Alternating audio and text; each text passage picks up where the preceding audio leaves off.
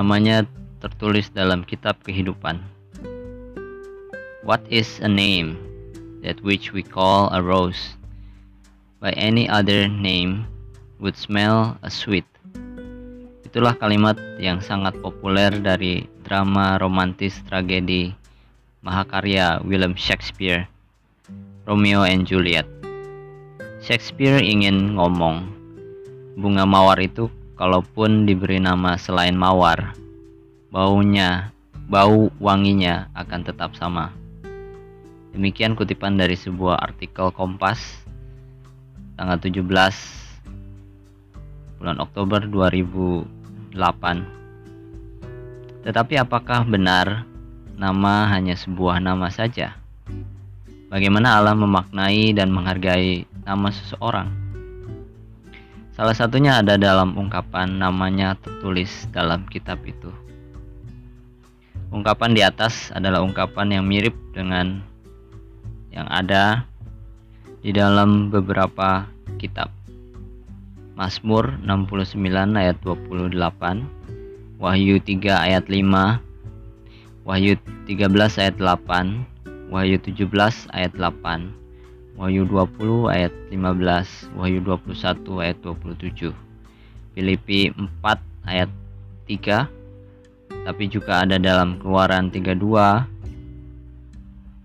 ayat 32 sampai 33. Ungkapan ini sering kali menjadi sebuah ungkapan mengenai jaminan keselamatan terhadap orang-orang yang ada di dalam Kristus. Tetapi tahukah saudara dari mana ungkapan itu pertama kali ditulis? Ungkapan ini pertama ditulis di dalam Keluaran 32 ayat 32 sampai 33 Gagasan awal dari ungkapan ini adalah dalam konteks ketika bangsa Israel melakukan penyembahan berhala.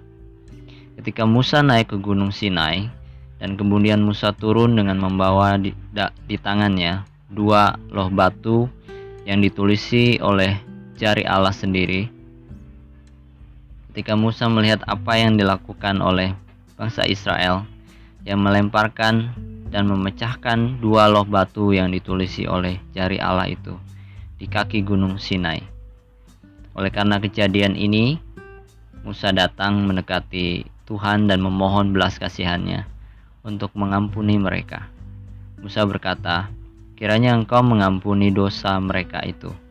Dan jika tidak, hapuskanlah kiranya namaku dari kitab yang kau tulis. Musa menjadi perantara Allah dan umatnya dia bersedia bertanggung jawab atas kesalahan orang-orang yang dipimpinnya di hadapan Allah.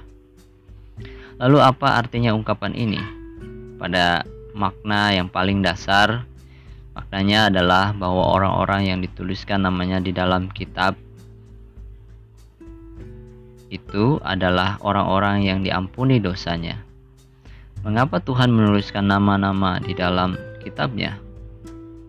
karena Tuhan mengakui mereka dan dosanya dosa-dosanya telah diampuni oleh Tuhan. Orang-orang yang tidak ditulis namanya adalah orang-orang yang dosanya tidak diampuni. Seberapa pentingnya ini dalam hubungannya dengan kita? Bayangkan jika nama kita tertulis dalam buku sejarah bangsa Indonesia atau salah satu bangsa lainnya menuliskan sebuah buku sejarah dan mencantumkan nama kita sebagai salah seorang yang berjasa besar bagi bangsa tersebut merupakan sebuah kehormatan. Lebih dari sekedar mencari kehormatan manusia, Allah benar-benar menghargai kita, umatnya yang telah diampuni dosanya, dengan menuliskan nama kita di dalam kitab kehidupannya. Seorang penulis buku, Dale Carnegie, Carnegie menuliskan demikian. A person names is to him or her the sweetest and the most important sound in any language. Nama kita dituliskan Allah dalam kitabnya sebagai ungkapan kasihnya kepada kita. Mereka yang berada dalam Kristus adalah mereka yang nama-namanya telah tercantum di dalam kitab kehidupan. Ini artinya mereka telah mendapatkan bagian dari di dalam kerajaan surga dan Allah telah mengampuni mereka bukan atas dasar perbuatan mereka tapi atas dasar kasih setia Tuhan. Daniel 9 ayat 18 Bukan atas dasar jasa-jasa kami, tetapi berdasarkan kasih sayangmu yang berlimpah-limpah.